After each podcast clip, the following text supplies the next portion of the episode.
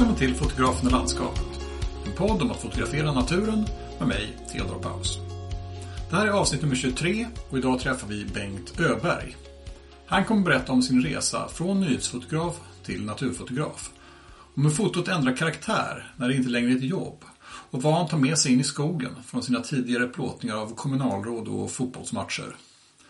För egen del har jag just kommit hem efter en veckas semester med familjen i Höga Kusten.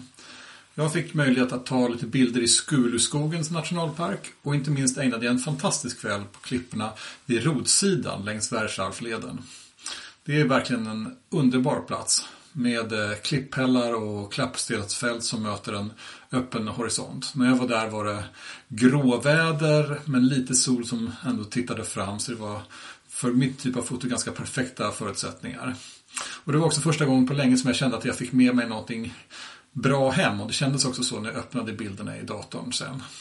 En plats jag varmt rekommenderar att besöka för alla fotografer men även om man är där mest för att uppleva naturen utan kamera. Som vanligt, ta gärna kontakt med mig på sociala medier och berätta vad ni tycker om den här podden. Jag finns på Instagram och på Facebook. Gå gärna med i Facebookgruppen för podden också. Där hittar ni länkar till kommande gäster och vi fortsätter samtalen mellan avsnitten. Länkar till mina konton, Facebookgruppen och till Bengt Öbergs hemsida finns i anteckningarna till poddavsnittet. Och om ni gillar den här podden och vill höra fler avsnitt, glöm inte att prenumerera i er poddspelare så missar du inget avsnitt. Men nu, låt oss börja dagens avsnitt. Välkommen till fotografen och landskapet Bengt Öberg. Tack så hemskt mycket. Var, var hittar vi dig någonstans här i Sverige? Eh, jag finns eh, emellan Falköping och Mullsjö. Mitt emellan där. Eh, tre, fyra mil eh, kvar till eh, Jönköping. Mitt ute på landet kan man säga. I ett vackert hus på landet där vi har hamnat för några år sedan. Du bor mitt i landskapet? Ny, ny, nyinflyttade. Du bor mitt i landskapet? Ja det gör jag, verkligen. Trevligt. Och eh, ja, vi har inte träffats eh, tidigare. Nej. Vi har fått kontakt eh, över nätet och, och jag hade faktiskt inte sett dina bilder in, innan vi fick eh, tag på varandra. Men det är kul att, att se. Du har liksom en eh, intressant bakgrund inte minst som du ska få berätta mer om här Mm. alldeles snart. Med olika typer av foto. Men hur, ehm, hur ser dina bilder ut idag? Eh, idag är mi mina bilder väldigt eh, eh, luftiga och färgmättade och eh, ja, jag vet inte hur jag ska förklara dem men alltså jag, jag har haft en period när jag ville förenkla allting eh, och på mina fotokurser som jag har ibland så har jag också sagt det att de tre gyllene reglerna att förenkla, förenkla, förenkla. Men eh, det har jag själv brutit emot nu så nu är, nu är jag mer inne på eh, det risiga och eh, ja, mycket, mycket brötigt som man säger. Men det beror också på att dit vi har flyttat nu så är det ju eh, det är ju inte mycket vatten här. Utan det är ju skog och skog och skog. Precis. Och då, och då blir det rätt mycket brötigt. Och det är därför jag till exempel tänker åka ut till havet idag. Och, och, och så att, så att eh, det blir mycket i de miljöerna. Men eh, eh, ja, jag, jag, jag, är väldigt, jag är väldigt bred i mitt fotograferande. Jag, jag har inte hamnat... Eh, jag spretar väldigt mycket kan man säga. Ja. Det, ja. Nej men alltså för det, det, det är min också bild att det, det är mycket skog och mycket träd. Eh, och, men det är också mycket av lite alla möjliga olika typer av miljöer så att man får en ganska stor du, du har en ganska stor bredd i ditt... Och det finns ju en anledning till det. Ja, Att det blev så. ja. Ja. Låt oss, låt oss eh, med, med den cliffhangern Ja, eh, exakt. bör- gå till, börja med hur började för dig. Hur, började, hur kom fotot in i ditt liv? Jo, eh, jag, jag vet inte varför men min mamma fotograferade med, med sån lådkamera och Eh, jag fick en eh, Bilora plastkamera. Det var väl bakelit på den tiden. Vad pratar vi nu? Eh, vi pratar om, eh, då kanske jag var eh, ja, 12 år kanske. 11-12 år. Eh, jag är född 48. Eh, och så sen eh, snabbt så fick jag en annan kamera. Eh, hon köpte en begagnad Yashica A för 125 kronor. Det är alltså en tvåögd spegelreflexkamera. Och den står fortfarande i glasskåpet nere fullt fungerande. Bara att ta fram och köra 6x6 negativ.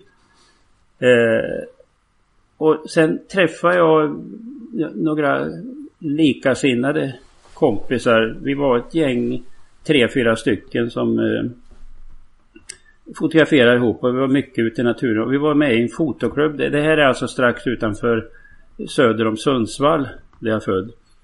Eh, en, en mil söder om Sundsvall. Och vi hade en fotoklubb där som SCA hade en lokal som de hyrde ut till oss. Och det, det lärde jag mig grunderna i mörkrumsarbete. var helt fascinerad. Och vi var väldigt mycket ute i skogen. Vi, vi cyklade ut. Eh, ja, men det här var ju före mopedåldern då. Så att vi cyklade ut och var ute på orrspel på nätterna och så gick i skolan på dagen. Och, eh, nu pratar vi tidiga tonår här. Ja, verkligen. Ja, ja. ja. precis. Eh, så att så, så började alltihop. Okay. Eh, och så sen då när jag eh, kom in på gymnasiet. Där jag skulle... Jag läste elkraftlinje. Eh, och jag kommer ihåg första dagen i skolan där så när jag kom hem till mamma. Eh, var nämnt så pappa avled eh, när jag var sex år gammal i en hjärnblödning. Så det var mamma och jag.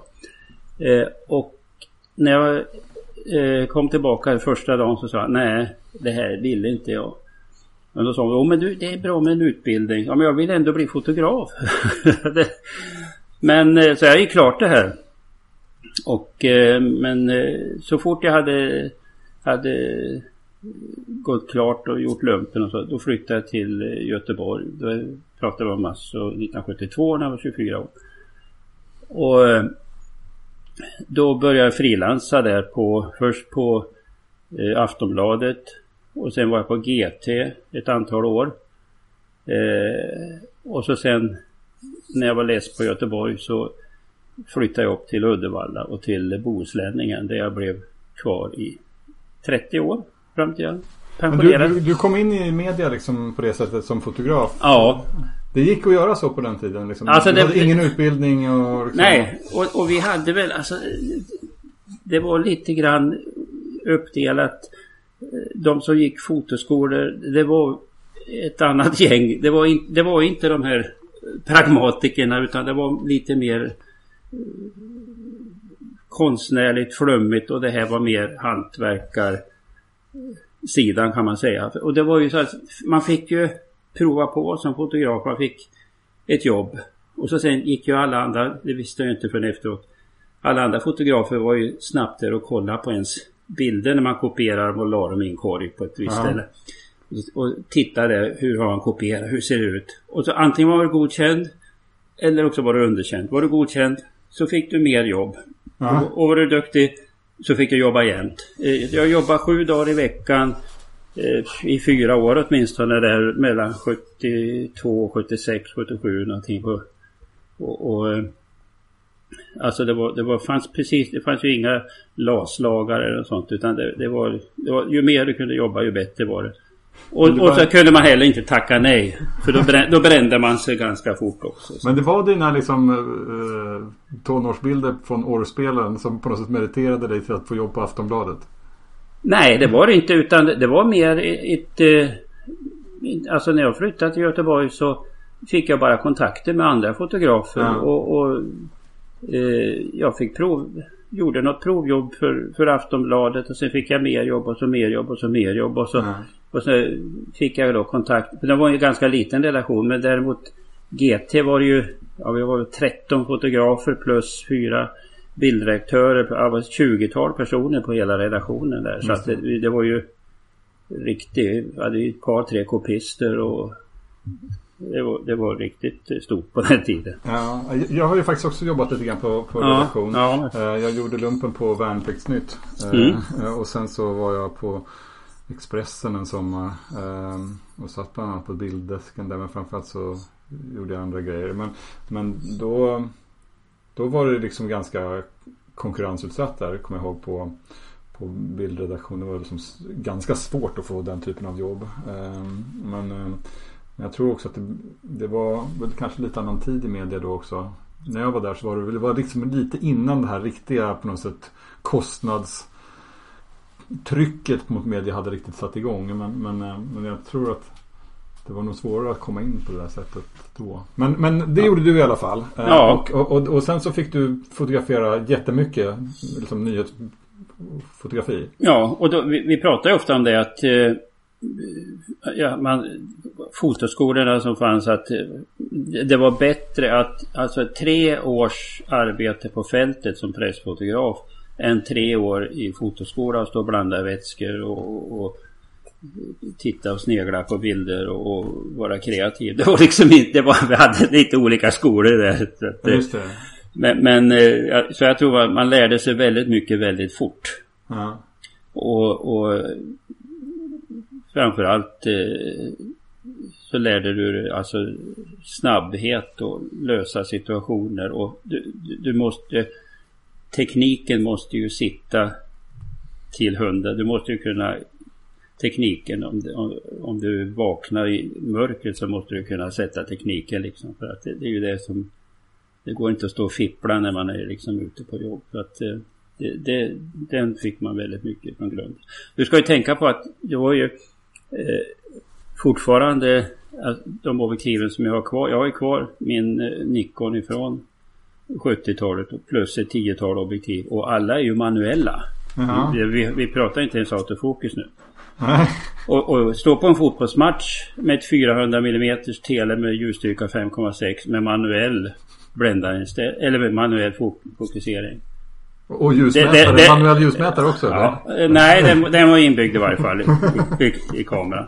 Men jag menar då, då, då lär man sig hantera grejerna också på ett, på ett visst sätt. Så att, eh, Ja, eh, precis. Men vilken typ av jobb var det som du gjorde då? Eh, som pressfotograf så gör du ju allt. Alltså det, det är ju det som är... När du kommer till morgon så kanske det är en presskonferens och sen längre fram på dagen ska du hem till någon som har eh, eh visa upp något. Ja, jag vet inte vad det kan vara. Sen på kvällen så är det en fotbollsmatch. Och, så, så det är ju liksom... Spännvidden är ju... Är ju du, du kan ju aldrig lägga in dig i, i något fack som pressfotograf. utan Du måste ju behärska alla typer av jobb under en och samma dag kan man säga. Just det. Och det gör ju också att du... du att det ger ju också en bredd. Just det. Och, och men sen, jag har aldrig varit den här utpräglade nyhetsjägaren kan jag säga. Utan när jag trivdes som allra bäst. Det var när, när jag gjorde den så kallade feature-reportagen. Att jag får till exempel följa människor i ett skeende, göra en bildberättelse. Eh, att eh, följa ett eh, någon som tillverkar någonting från eh, en, en, en vagnmakare som, som skor ett vagnshjul från början till slut och så Mm. bara liksom som en betraktare hänga med i, i bakgrunden och dokumentera, inte styra skedet utan bara och, och då, då, då jobbar jag som bäst också tycker jag. Just det. Ja, det var, det var, vi har en liknande ingång du och jag på det sättet till, till jag. För att jag, jag, du blev kvar mycket längre. Jag, jag lämnade mm, journalistiken ganska tidigt. Men, men, ehm, men jag kände också, det var, en av anledningarna var just att jag liksom inte riktigt kände mig som en sån här nyhetsmänniska. Jag gick liksom inte igång på nyheterna på riktigt samma sätt. Utan Nej. jag skrev också, när jag skrev saker så gillade jag ju liksom den här lite mer längre feature-texterna. Liksom. Ja, precis. Ja. Och nu, eh, nu när jag, när jag har slutat eh, på tidning så tänkte jag att det måste väl ligga nära till hands för mig eh, streetfotograferandet. Så jag har ju varit med på väldigt mycket. Vi har ju de här streetfotogrupperna som har rest omkring i Amsterdam och Berlin och jag har varit i, i, i Stockholm på workshop med Mats Alfredsson till exempel som är en av Sveriges främsta streetfotografer. Men alltså jag har märkt mer och mer att jag, dels så trivs jag inte i den här storstadsmiljön som ofta, alltså det, street görs ju bäst i större städer. I Falköping är kanske inte någon hit att gå och jaga folk på gatorna. Mm. Eh, så att, eh, men jag märker att så fort att jag lyfter kameran så undrar folk vad fan håller du på med? jag, jag, jag, men ändå är det ju det. Jag har ändå till exempel nu här om eh, veckan så fick jag ju ett eh, ett mejl att jag skulle ha en, en tavla med på Galleri Kontrast i Stockholm. Och ja. uttaget av 60 bilder av 1600 i, i det här kamera och bilds eh, tävling som jag hade lämnat Aha, in. Vad kul! Ja, Grattis! Tack! Mm. Så att jag, jag var ju där på vernissage då häromveckan. Eh, och så sen eh, samma sak att jag har de bilder som jag blivit publicerad mest med i ja, fototidningar. Så det är ju streetfotobilder. Så. Ja. det, ja. Men, men eh, jag känner ändå att eh, jag vill vara välkommen så att säga när jag fotograferar. Så det, därför Ja, det där är lite speciellt. Man måste ju vara ganska hänsynslös som streetfotograf. Liksom. Ja, det, ja. Det, det, är ju på något sätt en, en oförskämd form av foto om man säger. Ja, liksom. och det, det, är väl det är inte riktigt jag känner jag. Ja. Så att det, det, är också, det, det, det, blir också en automatisk styrning på det viset. Bort ifrån en, vissa saker och mot andra saker. Mm. Men du kände inte att du var liksom trött på fotot när du liksom... Eh, för, för har jag förstått det rätt att när du liksom äh, lämnade yrkeslivet då började du fotografera natur igen? Ja. ja. Eh, ja jag, jag, var, jo, jag var, kanske var trött på fotot under tiden för att eh, vi, vi gick ju alltså från sex fotografer och så sen gick det ju bara neråt, neråt, neråt hela tiden. Så att man gjorde ju de roligaste jobben gjorde man ju egentligen från början 80-talet, 90-talet och så sen bör, efter 2000-talet så började ju då de, det här skulle skalas och hyvlas och hyvlas. Så att branschens förändring har ju naturligtvis gjort att det har varit ups and downs. Men eh, jag har ju aldrig jag har ju alltid haft min egen kamerautrustning på sidan om så jag har alltid hållit på på fritiden. Det har inte bara varit ett yrke utan det, har alltså varit eh, passion i mer eller mindre grad. Och jag har väl aldrig fotograferat så mycket som jag gör nu efter jag slutade. Ja. Men när kom liksom naturfotot in i, liksom, på riktigt då liksom igen? Ja, eh, det kan man väl säga att eh, riktigt seriöst då så, så blev det väl kanske när jag slutade på tiden 2012. Just det. Så eh, har det blivit i stort sett bara naturfoto efter det. Mm. Men alltså jag, jag är inte... Eh, alltså jag, jag, varierar väldigt mycket i... Jag kan hitta andra projekt under tiden. Men vi kan ju komma in på lite längre fram här. Så att eh, det, jag är inte så smalt fokuserad på bara landskapet om man säger så. Mm, men det är rätt mycket natur. Om man tittar på din hemsida så det finns lite annat också. Men, mm. men jag menar det, det är både de breda de stora vyerna och de intima landskapen. Det är ja. inte så jättemycket kust kanske men, men eh, och också detaljer och, och sådär. Men om man tänker sig nu när du fick liksom lite mer tid då att mm, fördjupa dig i liksom det här mera som som personen som jobb då liksom. Hur, eh, vad var det hur du vad är det som du har letat efter? Eh, Ja, det vet jag inte om jag, om jag, om jag letar efter något särskilt för att eh, jag, eh, jag letar efter det som är vackert och jag, jag letar efter att förnya och förändra mig hela tiden också för att eh, många fotografer hittar ju eh, sin stil eh, och, och jag menar Erik Malm han har ju sina en grej skarp och så det här eh, blurriga, om man liksom håller fast vid någonting.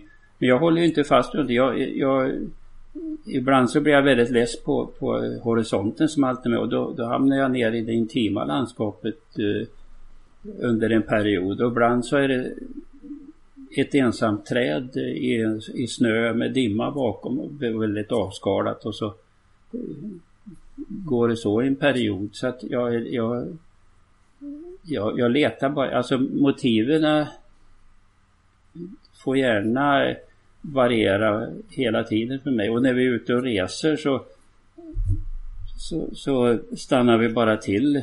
För vi, vi, vi har ju 50-60 hotellnätter per år för min fru är författare och, och har mycket workshops och, och, och skrivarkurser runt om i skolor och på bibliotek. Och eh, resorna blir ju ett sätt att upptäcka Sverige. Vi kommer till ställen som man annars aldrig skulle ha kommit till. Och mest fantastiska miljöer. Så när hon jobbar på sitt håll så brukar jag vara ute och fotografera på mitt håll och upptäcka väldigt mycket nya saker. Det kan vara allt ifrån eh, gamla övergivna miljöer till eh, landskap och till eh, mycket annat. Så att eh, som, som, sagt, jag, jag, tittar brett hela tiden. Det, det, det, det, sitter väl kvar sen. Mm. Så, att jag, jag, det är nog inte så att jag håller på och smalnar av mot, mot någonting särskilt. Inte än i varje fall. Det, det, är möjligt att jag kan hitta något något som, som riktigt eh, fastnar för. Men, men till exempel jag är även väldigt fascinerad av hur det ser ut runt om i Sverige på landsbygden som håller på att dö. Vi, man tar bara ett sånt ställe som man åkt förbi till exempel Kälarne i Jämtland. Där, till exempel den gamla sågen som var ryggraden i alltihopa. Nu är alltså järnvägsspåret överväxt. Korvkioskens eh, menyer eh, ur, urblekta. Och, och, och, traktens ungdom har, har sprayat på industribyggnaden så står det Kälare äger fast felstavat. Alltså, alltså det, här, det här är ju liksom ett, Det här är ju ett bildreportage jag tänkte just säga det. Där, där, är liksom den gamla nyhetsfotografen liksom, ja, ja. som kom växt ja, till liv. Ja. ja, ja, precis. Det, det, det, är ju så jag tänker hela tiden. Att jag tänker i, i ett antal bilder liksom. Så att, eh, men om man tänker liksom det som, de, de naturbilder som du tar. Liksom, mm. Vad känner du att du liksom har tagit med dig från din tid som, uh, som nyhetsfotograf uh, in i den här. För jag menar, nu jobbar du på ett helt annat sätt. Du har liksom all tid i världen. Du kan göra lite som du vill. Liksom, uh, Precis, när jag vill. Jag styr min egen tid. Bara det. Så att jag, jag, när jag känner att det, jag har lust så fotograferar jag. Och när det väder passar fotograferar jag. Och så vidare. Mm. Eh, jo, det jag har tagit med mig är att eh, motiven, det, det behöver alltså inte vara så mycket förberedelser och så märkvärdigt utan du hittar motiv precis överallt. Alltså jag, jag, jag, hänger, jag hänger på med kameran och säger nu ska jag ut och fotografera. Och då kan jag bara gå ut här, här utanför där vi bor och, och, och, så kommer jag hem med någonting. För att eh, du, det, det, finns, alltså motiven är ju oändliga och det är ju bara hur du ser. En del dagar så ser jag och andra dagar ser jag inte. Ja. Så det är ju upp till mig hur jag är fokuserad. Och jag märker ju också hur att det fungerar lite på samma sätt som när jag jobbar på tidningar. Man, efter att man gjort en tre, fyra jobb på en dag så är man ganska urblåst och ofokuserad. Och det är samma det att jag, jag fokuserar ett tag när jag är ute och, och, och, och söker motiv. Och, och sen när jag liksom har jobbat en stund då, då tappar man den här koncentrationen på, på, på motivet. Men grejen är att du behöver ju aldrig röra dig långt. När jag har jag brukar ha lite fotokurser ibland och så. Och då brukar jag ge deltagarna en kvadratmeter var och, sit, och, och sitta på. ja, det är verkligen en begränsning. En ja, kvadratmeter ja, får man ja, ja, visst. Men, men då, då, har, de, har de det att titta, titta sig omkring på. Och vad finns det där? Och så, ju, och, alltså man ser kanske ingenting den första minuten. Men efter några minuter så, så och det har gått omkring i lite olika vinklar och då, då hittar du mer och mer grejer och, som går att plocka. Det beror, det beror på vad man fotograferar men jag menar nu, nu pratar vi lite grann om, om lite närbildssaker. Man kan ju få några kvadrat också om man vill göra Aha. lite andra saker. Men, men du förstår principen att, att eh, just ha, ha den här begränsade ytan och sen försöka och vaska fram så mycket som möjligt ur det. Jag har till exempel höll jag på eh, jag bodde i Uddevalla tidigare då när jag jobbade på Bohuslänningen men vi har ju både jag och min fru Pia vi har ju startat om på äldre dagar som man säger här och det är därför vi har hamnat i drömhuset här som hamnar ute på landet. Mm. Eh, men eh, då, då följde jag till exempel under ett års tid eh, så åkte jag upp till exakt samma ställe vid en liten skogskärn och, och, under alla tider på året. Och de, den variationen i bilderna beroende på väder, årstid och så vidare är ju att det är nya bilder hela tiden. Och, och det höll jag på med ända tills jag kände att nu finns det inte mer att vaska fram ur det här. Mm. Och, och det, det, är ju så att eh, många motiv är inte färdigfotograferade heller. Man kan ju känna det att man har varit på en plats. Eh, till exempel jag ska åka till Ramsvikslandet nu eh, idag. Och fortsätta fotografera på ett ställe som jag börjar på det. Jag kände att det finns mer att göra på det stället. Så att eh, man, man, det är inte så att man är på ett ställe en gång och så är det klart. Utan det, det, det går ju att suga ur väldigt mycket eh, ur, ur samma ställe beroende på årstid och väder och vind och så vidare. Ja, och, och alltså, du, du tar upp flera saker som väcker tankar hos mig här. Ja. um, en bit som du tar upp är det här liksom med att om, kreativitet bygger ju ofta på att man också ger sig liksom, frihet men också begränsning. Alltså, liksom, som du var inne på att en, en kvadratmeters yta är din begränsning. Ja. Då tvingas man liksom vara kreativ inom ramen för den begränsningen. Ja. Det är lite grann som om man säger så här, kan inte du komma på en, en bra idé? Ja. Det är så, så här, ja det kan ju vara en bra idé. Liksom. Ja. Men, men, om man säger, kan inte du komma på en bra idé om hur man ska fotografera på den här en kvadratmeter stora ytan? Då, då, då, liksom, då kan man liksom fokusera sin kreativitet på, på någonting. Det, det där är tror jag ett det där kan man göra på olika sätt. Liksom. Eh, att man ger sig själv liksom olika restriktioner. Ja. Um, och, eh, det var den ena sak som jag tänkte på när du berättade om det där. Den andra det här med liksom att, att fotografera tills idéerna är slut på något sätt. Det är också, jag upplever också det eh, är väldigt lätt att liksom på något sätt Särskilt om man går sådär planlöst som du är inne på. Liksom, mm. Att man bara går ut på en plats och så ser man lite grann vad man hittar det är väldigt lätt att liksom på något sätt jäkta vidare liksom, och tänka att ja, här fanns det ingenting och så nu går man vidare. Liksom. Medan det ofta finns anledning liksom att på något sätt, alright, nu ger jag den här platsen en ordentlig chans. Ja. Och sen så på något sätt um, fotograferar man tills man är trött på det. Ja, ja jo, men exakt. Nu, nu går det inte längre. Nej, exakt, exakt. För det, det, det, jag märker ju det att, eh, att ju om du är ute och går med kameran så ju, ju, ju fortare går, du går ju mer ofokuserad är ju mer missar du på vägen.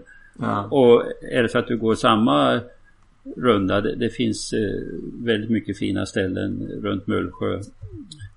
Eh, som eh, jag har gått flera gånger så att säga. Men jag har ju också upptäckt eh, saker varje gång. Så att nu, nu har det ju blivit ett ställe dit jag måste återkomma till och fortsätta och jobba. Så att jag, jag har fått alltså väldigt mycket nya motiv till skänks så att säga under den, de, Mm. de rundorna jag har gått.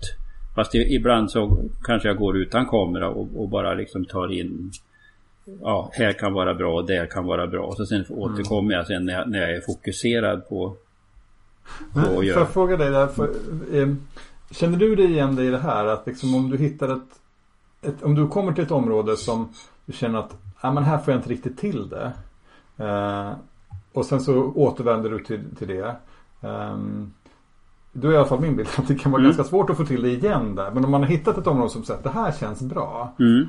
Och så kommer man tillbaks till det. Då finns det ofta ännu mer att tömma ut ur det området. Liksom. Så om man hittar ett område som man gillar då kan man återkomma igen och igen och igen. Liksom. Ja. Men alltså man har ett område som är svårt. Att det är ofta svårare nästa gång. Ja, precis. Då kanske man släpper det helt istället. Ja, Ja, ja. ja. Men, men som, som du säger det att, att eh, när man eh, jobbar på ett område som man verkligen gillar och, och, och, och dessutom får, får ett bra resultat kanske första gången man är där. Och då, då känner man att ja, men det, här finns mer att göra. Det, och, och då är det som sagt lättare. Men då har man ju också hela det här flytet och, och inspirationen finns där. Det, så. Men det var en del av liksom på något sätt det här um, nyhetsfotografen i dig liksom i naturen. Om jag förstår det rätt så liksom på något sätt en del av det där är att liksom du spelar bollen där den ligger lite grann. Ja, ja precis. Det, så det är, det är så jag är van att göra. Och, eh, ibland kan jag komma till ett ställe och tänka att här måste det finnas någonting. Alltså jag, man, man tar bara en snabb överblick och så, om, jag, om man ger det här tid, det måste finnas. Alltså jag gillar ju mer att åka till de ställena som jag menar alla ska ju till Kopparhatten och alla ska ju till Du vet de här ut på Ramsvikslandet och de här Ja, ja. klassiska ställena. Du, har, Ja. du har ju också varit där. Så Jag har varit på båda de två ställena. Ja, jag vet. och och, och, och då, då känner jag lite... Vi ska till Irland nu, Pia och jag, i augusti för att fortsätta och rekognosera för hennes eh, nya bokserie som har startat med första boken som släpps nu i sommar och så eh, kommer att bli han, handlar väldigt mycket om en tjej som har rött, hon är, hon är från Sverige, föräldrarna skiljs och så Ah, blir hon lite, lite blandat mellan Irland och, och Sverige. Så att vi ska vi reka för det.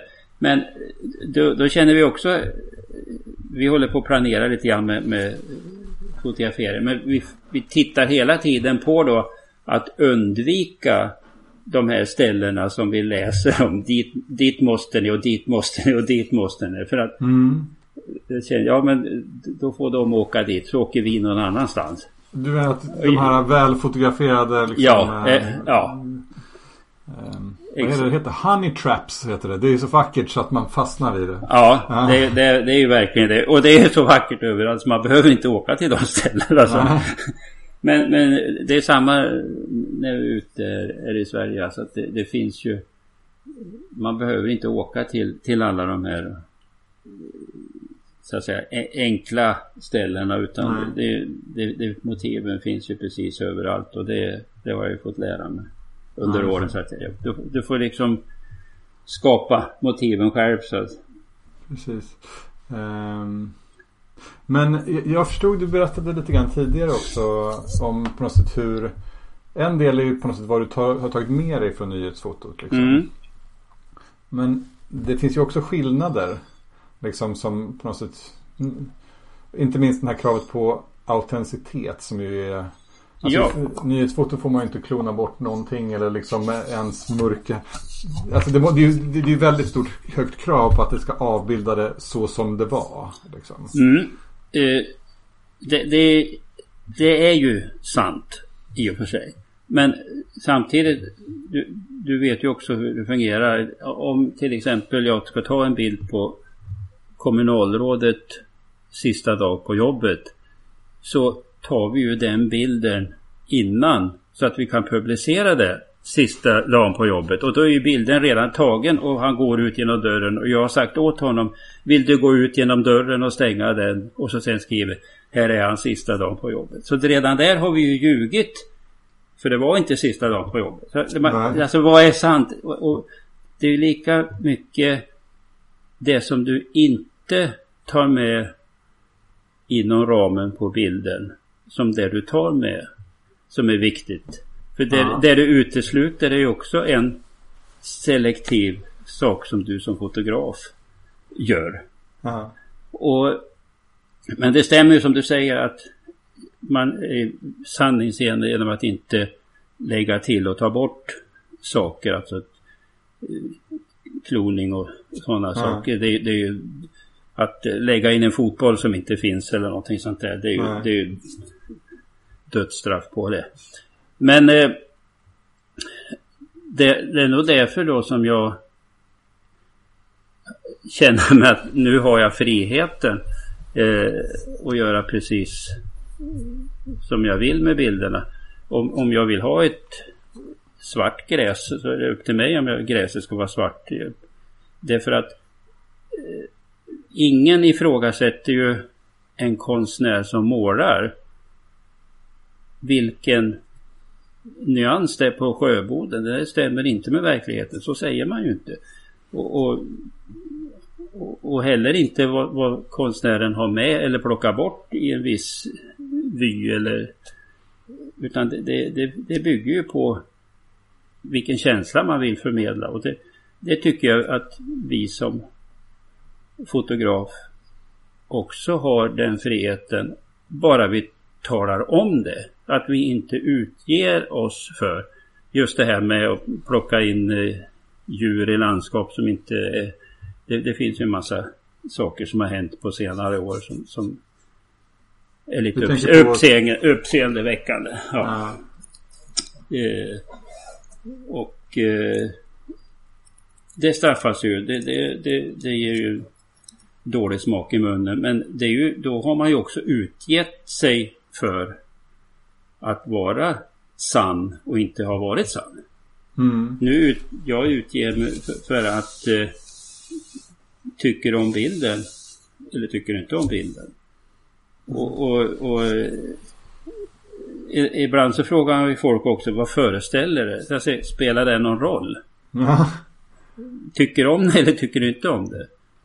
Så att eh, men den autenticitetsfrågan tycker jag är väldigt intressant. Ja. Och, det var roligt att du tog upp det här äh, i, i liksom på något sätt eh, hur en, även en nyhetsbild som kanske på något sätt inte är redigerad alls ändå kan vara lite förljugen för att bilden är tagen i ett annat sammanhang. Den är arrangerad och mm. sådär. Liksom. Eh, men jag tror att det verkar finnas en ganska stor enighet om att liksom eh, om att om man gör ingrepp i sina naturbilder eller inte minst djurbilder tror jag. Ja, men, ja. Så, så har man skyldighet att berätta om det. Ja. Eh, liksom, eh, men jag har också en känsla av att det finns ganska mycket uppfattningar om att sånt där ska man inte hålla på med. Ja, det gör även, det. även om man berättar om det. Ja, exakt. Jo, men det, det, är ju, det, det tror jag att det är där vi är lite olika läger helt enkelt. Och, men, jag menar det är ingen som ifrågasätter om jag, om jag helt plötsligt kör bara svartvitt. Då är det ju bara svart och vitt. Ja. Då kan jag göra precis vad jag vill och det är ingen som ifrågasätter toner eller...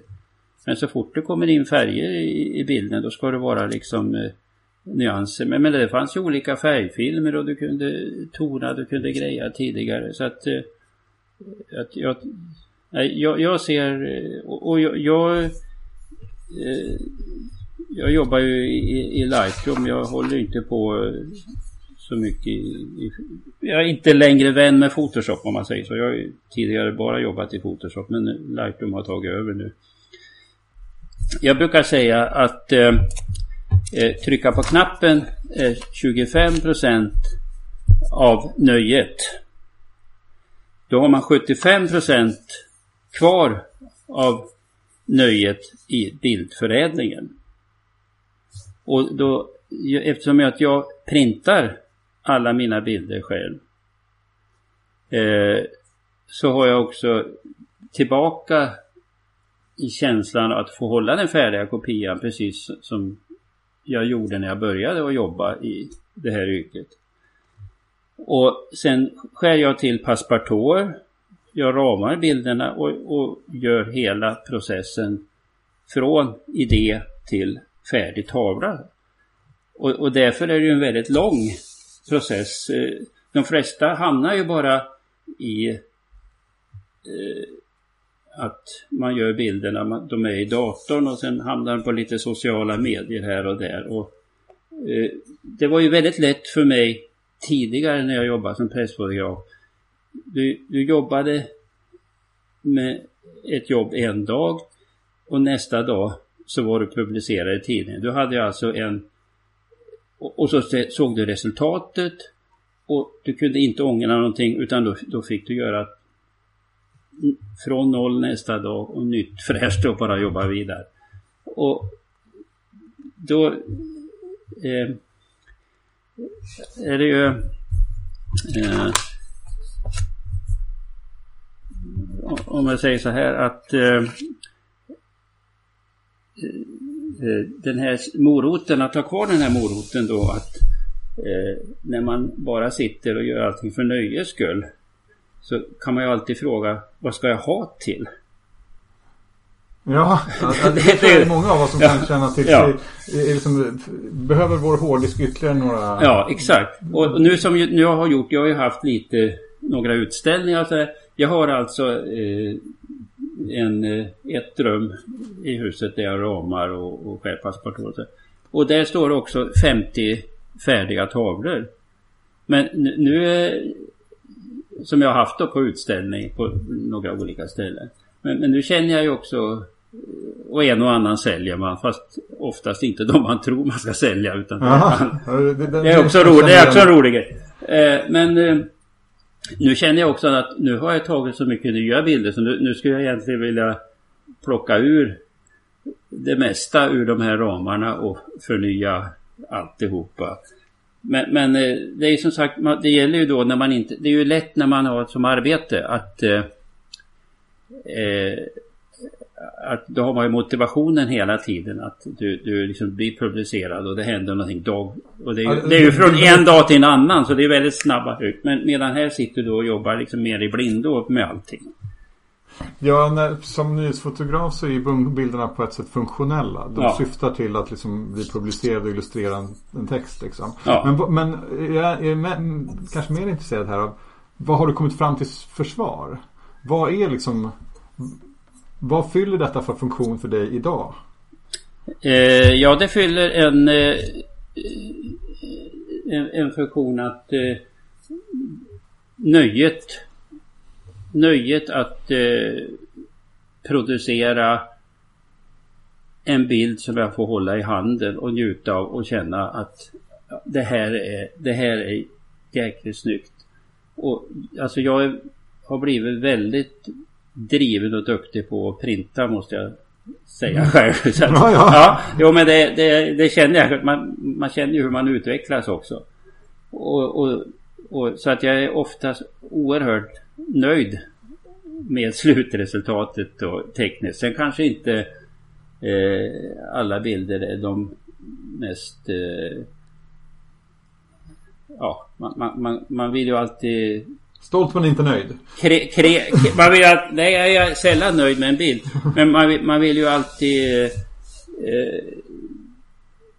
kanske vara alltså kre, kreativt perfekt bild så att säga. Men, men eh, det är ju det man, det är ju det man jobbar med hela tiden. Att, eh, att bli bättre på, mm. på det man gör och, och och utvecklas och hitta nya, nya sätt att fotografera, nya saker att fotografera och ja, det, jag, det jagar egentligen hela tiden. Att, eh, och jag, jag, jag, tror inte jag skulle kunna fastna i en viss stil som många har. Det, det skulle vara skönt och tryggt i och för sig men, men jag känner hela tiden att att jag vill kanske testa någonting annat eller att när jag kommer ut jag har lite olika projekt nu. Fönster till exempel. Ja. Ett projekt som håller på med just nu. och, och, och, som ska kunna användas till lite olika grejer. Så att det, det, då fokuserar man på det. Och så, så jag har liksom sådana här parallella saker som, som projekt som går hela tiden med, med olika saker. Och... Det var väldigt roligt det där fönsterprojektet. Det har ju inte så mycket med naturfoto att göra. Men Nej. det blickade tillbaka, väckte minnen hos mig. Min, min mamma är är arkitekt och har eh, inriktning mot antikvarisk arkitektur, alltså byggnadsvård. Mm. Eh, och hon gjorde en bok, eh, ja det var när jag var liten, som handlade om dörrar. Ja. Och de, de, de, bilderna som du har tagit av fönster är inte helt olika de som hon tog av dörrar någon gång på 80-talet. Nej, precis. Men, äh... Och det här pågår ju nu så det här fyller jag ju på med hela tiden och det, det kommer väl så småningom att användas till någonting. Mm. Men jag tycker det är ändå är intressant för det, det, är ju en lite grann annan typ av identitet. Alltså när, med, med, med de här liksom, eh, bilderna som har en väldigt funktionell karaktär liksom, av, av för, för nyheter och, och så. Eh, mot det här som är Du pratar ju liksom om När du pratar om dina verk så pratar du om dem som tavlor som ja, en ja, bilder. Ja, liksom. ja. Eh, har, har, du känt att det liksom har påverkat din identitet på något sätt. Att gå från att vara nyhetsfotograf till att liksom vara konstnär? Eller känner du dig som en konstnär? Ja, jag försöker eh, Jag försöker att släppa det att, att eh, så att säga det, mer det tekniska och att eh, ta ut svängarna. Jag har ju det tekniska ger ju också en begränsning i och med att man är, det var ungefär som han eh, som hade den här portfolio-workshopen, Örjan Henriksson, fotografen i Mullsjö, sa till mig. Ja, nu vet vi att du kan kopiera. För du var på en, en, en workshop där ni... Äh... Ja, det här gick under två terminer. Så vi träffades en gång i, i månaden och så skulle vi få till vår personliga portfolio.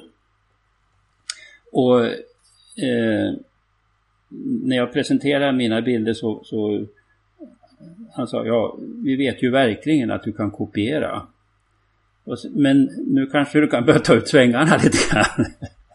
så att det, det liksom att eh, att våga göra någonting. Men, men då, jag känner liksom var, varför ska jag förstöra den fina... Eh, det, jag, jag, jag jobbar ju väldigt hårt att få den här fina kvaliteten på sak, den tekniska kvaliteten och då, då känns det, det finns någonting i mig också som, som liksom bromsar då när man ska till exempel svärta ner 90% och bara ha en liten eh, fläck i ljus någonstans liksom att ja, det gör ont i mig någonstans. Men känner du att, känner du att den kunskapen som du har haft liksom, om hur det tekniska från din tidigare karriär, mm. att den liksom, är den en hämsko liksom? Ja, det kan vara det ibland. Det kan vara så ibland faktiskt. Hur då? Jo, men att, eh, att eh, jag inte vill lämna ifrån mig någonting eh, som, som folk kan säga, ja men det här var inget vidare kopierat eller ja, du vet. Mm. Det, det, ja, jag är väldigt noggrann på det, den punkten faktiskt. Men samtidigt så verkar det ju som du också liksom känner att du har vill ta vara på de frihetsgraderna som, ja, det, som du har. Jo, jo, det, det verkar vara lite dubbelt det där. Det är jättekluvigt alltså. Visst, det, ja. Absolut, det är det. Men det, det, eh, det, det, är ju, det är ju bra att jag har, alltså jag har lyssnat på många på, på podden som, som inte har haft, som säger själva då liksom att det här med teknik är inte så noga. Det, det, jag har nyss lärt mig liksom det här med bländar och lite is och lite grejer. Och, och, och det, det Medan jag har det där liksom som en, som en ryggrad men kanske lite för mycket mm. ryggrad i allting. Men, men som sagt jag, jag, jag jobbar på det hela tiden. Att bryta dig loss från det? Att bryta mig loss från det, absolut. Ja, ja. Jo, nej, det, jag kommer inte ihåg om jag pratat om det tidigare någon gång i podden. Men ibland så är det ju så att människor som på något sätt är så Som kan så mycket om naturen. Mm. Har liksom Ibland så blir det liksom också en begränsning. Att man liksom på något sätt inte, att man ser liksom den enskilda liksom växten eller tänker på vilket träd det är sådär. Och sen så på något sätt som fotograf så blir det ju ofta viktigare vilka färger och former och linjer och sådär som man mm. ser liksom än exakt vad det är för träd. Ja. Uh, och Jag har ju den fördelen att jag inte kan någonting om naturen. Eh, Nej, nej och jag, Jag, jag kan ju aldrig namnge knappt en tall liksom. Men eh, så att, eh, men det finns naturligtvis begränsningar i det också. Men eh, och jag har ju inte varit, alltså som flera andra som jag hört också som inte eh, vet någonting om vilken fågel det där och det är. Så för, för mig kan det ju, om jag har en fågel med så har jag en fågel med som, som mer som en form. ja. Och jag bryr mig inte alls om vad det är för, för, sort. För, jag troligen inte vad det är för sorts fågel heller. Så att det, det är på, på samma sätt. Jag bor ju väldigt nära Hornborgasjön där det, där det står hundratals fotografer med jättetelen och fotograferar dokumenterar de här eh, fåglarna varje år. Men eh, som sagt, jag tycker det är roligare att fotografera de som fotograferar fåglarna. De, Ja. ja. Nej men man, vad heter det? Det finns ett Alltså göra dygd av nödvändigheten. Ja. Om man inte kan någonting om, om vilka fåglar det är som Ja. så kan man också åtminstone säga att det finns en stora fördelar med att inte Ja. faktiskt kunna det. Så, så, så kan man liksom motivera sin, eh, sitt bristande kunskap på det sättet. exakt. Eh, sen, jag går ju själv också på, på eh, workshops. Eh, Du både håller och, och Ja, själv, ja, men jag känner jag, jag vill ju också ha inspiration någonstans ifrån. Och, eh, dels så tycker jag att eh, fotoböcker och utställningar och så vidare ger ju input. Men eh, sen även att umgås eh, med andra, oftast då yrkesfotografer. Till exempel jag har varit eh, med Anserkan Serkan Gynes en par gånger här. Och, eh, då känner man ju också när man, man går liksom bra ihop med varann så, så går man kanske gärna på workshop med samma, samma människa igen då.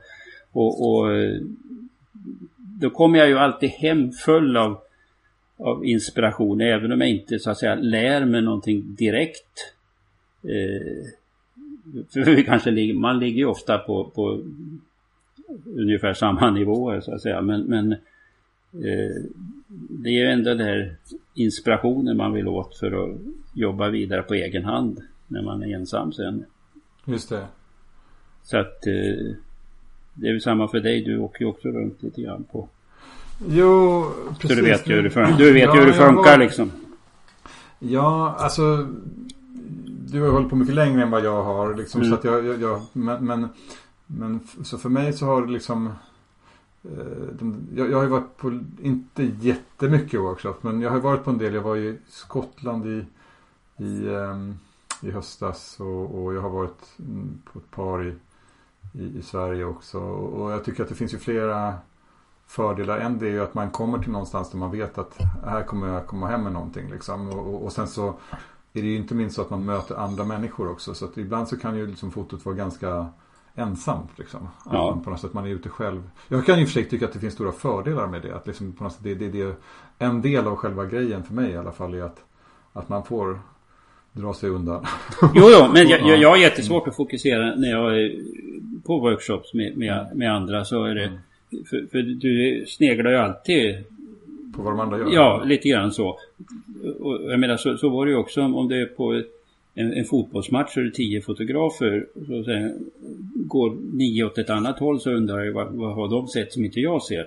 ja. Så det, det är ju liksom, det sitter vi lite grann. Eh, men, men, Men är inte det också lite grann av värdet också? Att man när man tittar på bilderna efter som man tog på samma plats ungefär så ser man att de var ganska olika och så kan man lära sig någonting. Liksom. Jo men det, det, det, det sätter jag som en, en, en, eh, grej då att jag menar många gånger så säger var såg du det där någonstans? Ja. Och, och det, det är just det här att vi aldrig ser samma sak ändå i slutresultatet. Även om vi står på samma ställen så gör vi helt olika bilder. Så det, Ja. det och, och, och det, det, det, tycker jag är fascinerande hur, hur, många, hur, hur olika vi ser på saker och ting. Ja, jag, jag ska faktiskt på min första lite längre fotoresa som jag inte gör inom ramen för en workshop. Ja. eh, Det som jag har arrangerat helt själv. Jag ska åka till södra England, till Devon i, i augusti. Ehm, men ehm, där ehm, eh, en sak som jag lite grann tänker på där. Där kommer det inte finnas någon att jämföra med. Liksom. Där kommer jag vara själv på varje plats. Jag kommer både liksom vara Jag kommer vara min egen kritiker Mm. av varje bild. Liksom. Ja. Så att det, Mm. det, det kommer bli någonting annat. Men samtidigt så kommer du kunna fokusera Absolut. på ett annat sätt. Då. Ja, verkligen. ja. Eh, sen eh, eh, det här med, med att motivera sig med att göra olika saker. Jag gör ju även eh, Alltså jag, jag jobbar ju nu med ett, lite olika projekt. Eh, och, och gör sammanställer till en bok. Eh, alltså jag håller på med flera böcker samtidigt då. Om det sen blir en bok i ett exemplar eller om det blir bok i flera exemplar. Det får ge sig så småningom. Eh, men eh, Men kan du avslöja vad det är för typ av projekt som du har? ja, det, det Alltså det, det är lite grann på det som, det som egentligen fick mig redan när jag som pressfotograf eh, in på naturtänket. Det var nog den här boken av Jan Töve, Bortom redan. Okej. Som kom för 20 år sedan drygt. Den satt jag då och läste bläddrade på Biblo för den var redan på den tiden slutsåld i upplagan. Och eh, eh, den lyckades jag få tag på för några veckor sedan, ett nästan oanvänt exemplar. Och den, den, den boken har inspirerat mig så mycket. Och det är även Patrik Larsson som hade läst han har blivit inspirerad av samma bok hörde jag också. Ja, så att det, var, var verkligen Vi kunde pandanga till varann här på, på det viset. Och eh, Så att mitt projekt är också Alltså jag- jag fotograferar också med ordning och re, ordning och reda fast ordning och oreda. Om det är... Jag känner inte till den där boken. Är, är, det liksom bilder av eh, risiga skogar som man Ja, ordnar upp? Ja, ja, Ja. ja. Det, det är... Eh, ja, det, det, det, det är en fantastisk eh, stilbildande bok kan man säga. Det, det, Jag får försöka hitta ett äh, antikvariatsex ja, av den ja, kanske. ja. Som sagt, jag, bara 14 dagar sedan jag fick tag på den här boken och jag är väldigt lycklig över att ha den. Och, Men det, Eh, men som sagt, eh, eh, jag, jag märker ju att det är liksom i den stilen som jag jag fotograferar. eh, Och väldigt, jag- jag tittar även nu på Patrik Larssons nya bok. Och vi, ut, det är liksom samma. mm, Och, och det, det, jag håller på då alltså med eh, Antingen så är titeln ordning och reda eller, och, och då betyder det ordning oreda. Eh, Eller också alternativtitel. Det behöver inte vara så märkvärdigt. Och, och det be, betyder att det behöver, man behöver inte åka land, land och rike runt kan man åka men kanske inte runt hela världen för att hitta allt möjligt. Så att det, det fyller jag på eftersom och, och, och problemet är att jag tar nya bilder nu så jag byter ut hela tiden också. ja, det blir svårare Ja, jag, jag, jag vet. Jag pratade faktiskt med eh, Patrik Larssons eh, eh, bok som du nämnde. Det är den här Det knappt märkbara. Som Ja, är en fantastisk bok som kom ganska nyligen. Som jag, Ja. Den står faktiskt här på mitt skrivbord. Jag tittar på ett jättefint uppslag av bilder.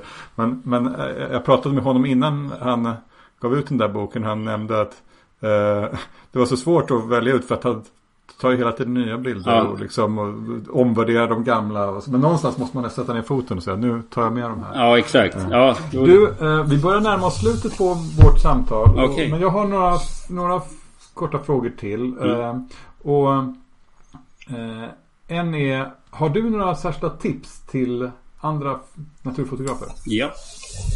Eh, det, det är tekniken först.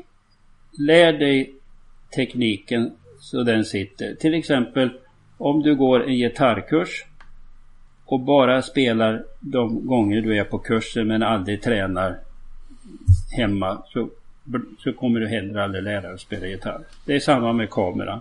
Det är träning, träning, träning för att sätta tekniken för att du sen ska kunna eh, utifrån det eh, tänka på motivet.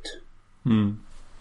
Eh, och sen eh, ja, efter, eftersom jag är mycket fokuserad nu på, på tavlor så brukar jag visualisera och tänka med det färdiga resultatet som en tavla på väggen.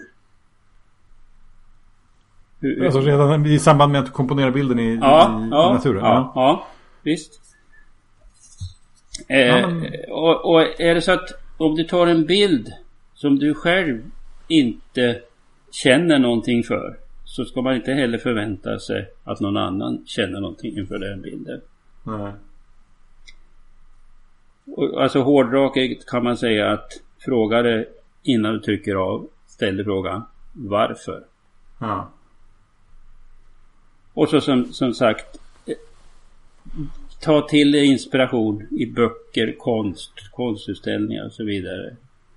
Eh, det var som jag nämnde till dig eh, tidigare om den här till exempel om man nu är intresserad av svartvitt fotografering så har vi han Sebastian Salgado. Som Alltså vill man bli hänförd av svartvitt så, så kan man bläddra igenom och man, upp, man, man det är böcker som inspirerar så mycket som man, som man slutar aldrig. Man kan aldrig kopiera men man kan bli inspirerad av dem.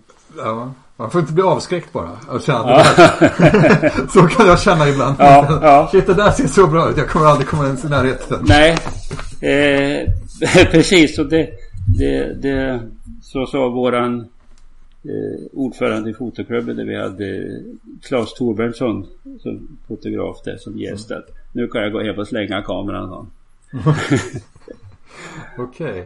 Du, tack för de tipsen. Mm. Ehm, och eh, avslutningsvis, eh, har du några andra tips på eh, fotografer som skulle kunna vara med i den här podden i framtiden? Mm. Och då, då, har vi naturligtvis, jag, vi har ju lärt känna Serkan Gunes nu. Mm. Och, och, han är ju han är ju etablerad välkänd eh, fotograf och han, han är ju en av de här FÖI-ambassadörerna som finns i Sverige. Och, Just det. Eh, han är väldigt eh, ödmjuk och trevlig och, på alla sätt. Och, och så sen en eh, gammal kompis från Uddevalla, Claes Torbjörnsson, som någon har nämnt tidigare också. Och han tar ju sina hänförande kustlandskap framför allt. Han är ju fantastisk på det. Eh, och så sen en kvinna vet du det bra. Ja, jag tycker att det är lämpligt ja. att det finns liksom alltså, lite... jag, tänkte, jag, känner, jag känner så många eh, kvinnliga fotografer men alla är streetfotografer. Okej. Okay. men eh, Frida Hermansson. Ja. Eh, hon har... Eh, hon, hon, har...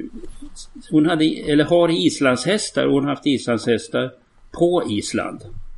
Jaha, just det. Och, så att hon har haft mycket workshops också. Både, både Island och andra länder och så här. Så att hon... Jag tror nog att hon, hon jobbar för något av sådana här företagen med workshop och så. Men, men hon, hon, eh, hon gör, ja, du kan kolla hennes hemsida. Det är fantastiska Just det. bilder. Att, ja, nej men alltså jag, jag har ganska bra koll på alla de där tre. Ja. ehm, och haft varit i kontakt med någon av dem också ja. tidigare. Ja, så att, ehm, det, det, är inte alls omöjligt att, ehm, att um, jag vet att den som är sugen på att höra ett poddavsnitt med, eh, med Särkan vet att han har varit gäst tidigare i alla fall i uh, min um, um, här, grannpodd eller så ja. um, branschkollegepodd uh, som heter Naturfotopodden. Jaha, okej. Okay. Um, ja. Och sen har han ju en film i Moderskeppet. Ah, absolut. Ja, så att, ja.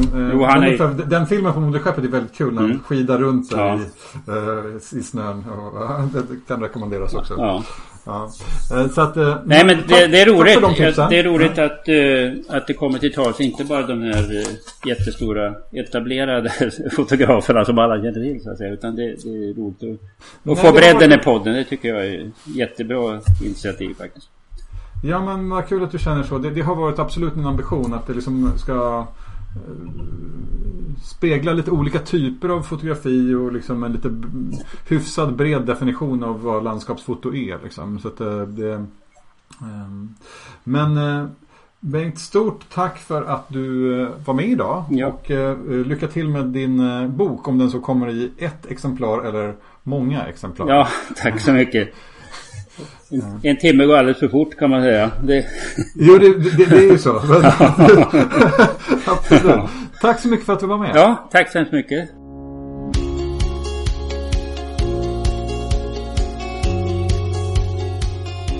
Och tack även till dig som lyssnat på det här avsnittet av Fotografen och landskapet.